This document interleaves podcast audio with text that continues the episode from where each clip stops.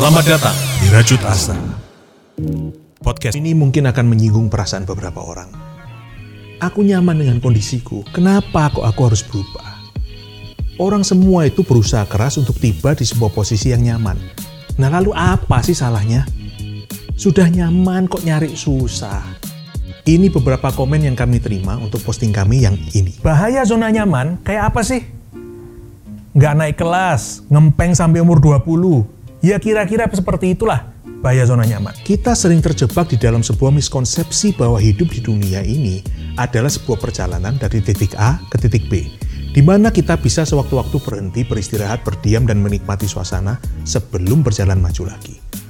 Sayangnya hidup ini lebih mirip dengan sebuah mesin treadmill yang mesinnya tidak selalu ada di dalam kendali kita. Dunia terus bergerak dan berputar, berubah maju dan beradaptasi, tanpa peduli apakah kita sedang lelah ataupun penuh tenaga. Yang bisa kita kontrol adalah pilihan kita. Apakah kita mau terus berlari mengikuti cepatnya laju dunia, atau mendadak berhenti dan di saat kita memandang kehidupan sebagai sesuatu yang dinamis, kita akan dapat melihat bahwa tinggal di dalam zona nyaman bukan lagi pilihan. Berdiam diri bukan lagi sebuah hal yang dapat kita lakukan, apalagi dengan kondisi dunia yang bergerak semakin cepat melindas kita yang belum siap untuk bergerak maju, beradaptasi mengikuti tuntutan zaman. Bagaimana kalau dulunya pernah berlari dan jatuh, lalu sekarang kita takut untuk memulai lagi, takut jatuh lagi. Kita harus gimana? Pertama, kita harus merubah pola pikir kita tentang hidup. Berubah, bertumbuh, bergerak maju adalah syarat untuk hidup. Ini bukan pilihan, tapi sebuah keharusan. Bisa nggak bisa, mau nggak mau, ini adalah sebuah tuntutan yang tidak bisa kita hindari lagi. Contoh paling jelas adalah masa pandemi kini. Apa kita ini punya pilihan untuk nggak berubah?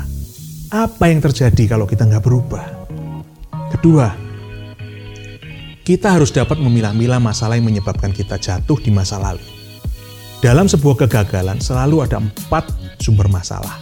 Masalah dari diri kita sendiri, masalah dari orang lain, masalah dari lingkungan, dan akhirnya masalah interaksi antara kita dengan orang lain atau dengan lingkungan kita. Dari empat sumber permasalahan tadi, yang bisa kita rubah adalah diri kita sendiri dan interaksi kita dengan pihak luar. Contohnya kalau kita ditipu oleh rekan kerja kita, kita nggak akan bisa merubah rekan kerja kita.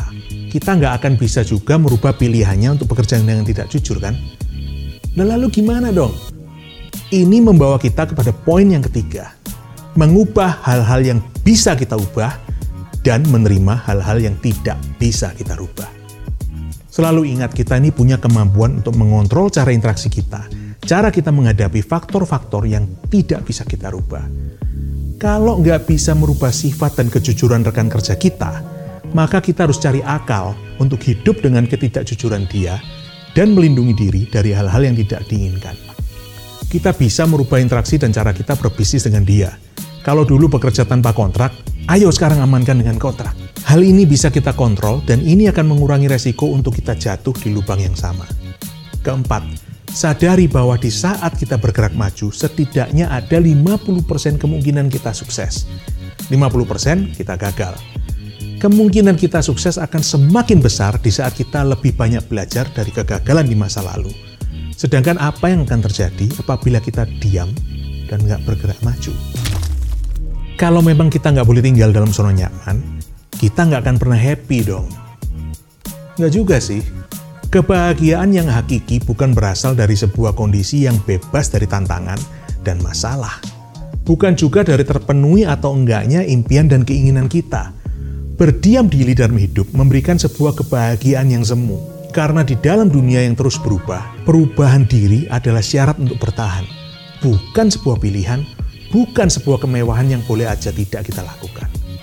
Kalau perubahan dan bergerak maju adalah sebuah keharusan, dan tinggal dalam zona nyaman bukanlah pilihan yang dapat kita pertahankan, maka kebahagiaan adalah kemampuan untuk menikmati perjalanan hidup dalam segala kesulitannya, dalam segala tantangannya, apa pun hasilnya. Kunci kebahagiaan, fokus merubah hal yang bisa kita rubah, menerima yang tidak bisa kita rubah, dan yang terakhir, belajar menikmati proses hidup, mencari kedamaian walau harus selalu hidup dalam ketidakpastian. Selamat merajut asa. Hai Prajut, temukan Rajut Asa juga di Facebook, Instagram, dan Youtube. Sampai ketemu lagi para Prajut. See you!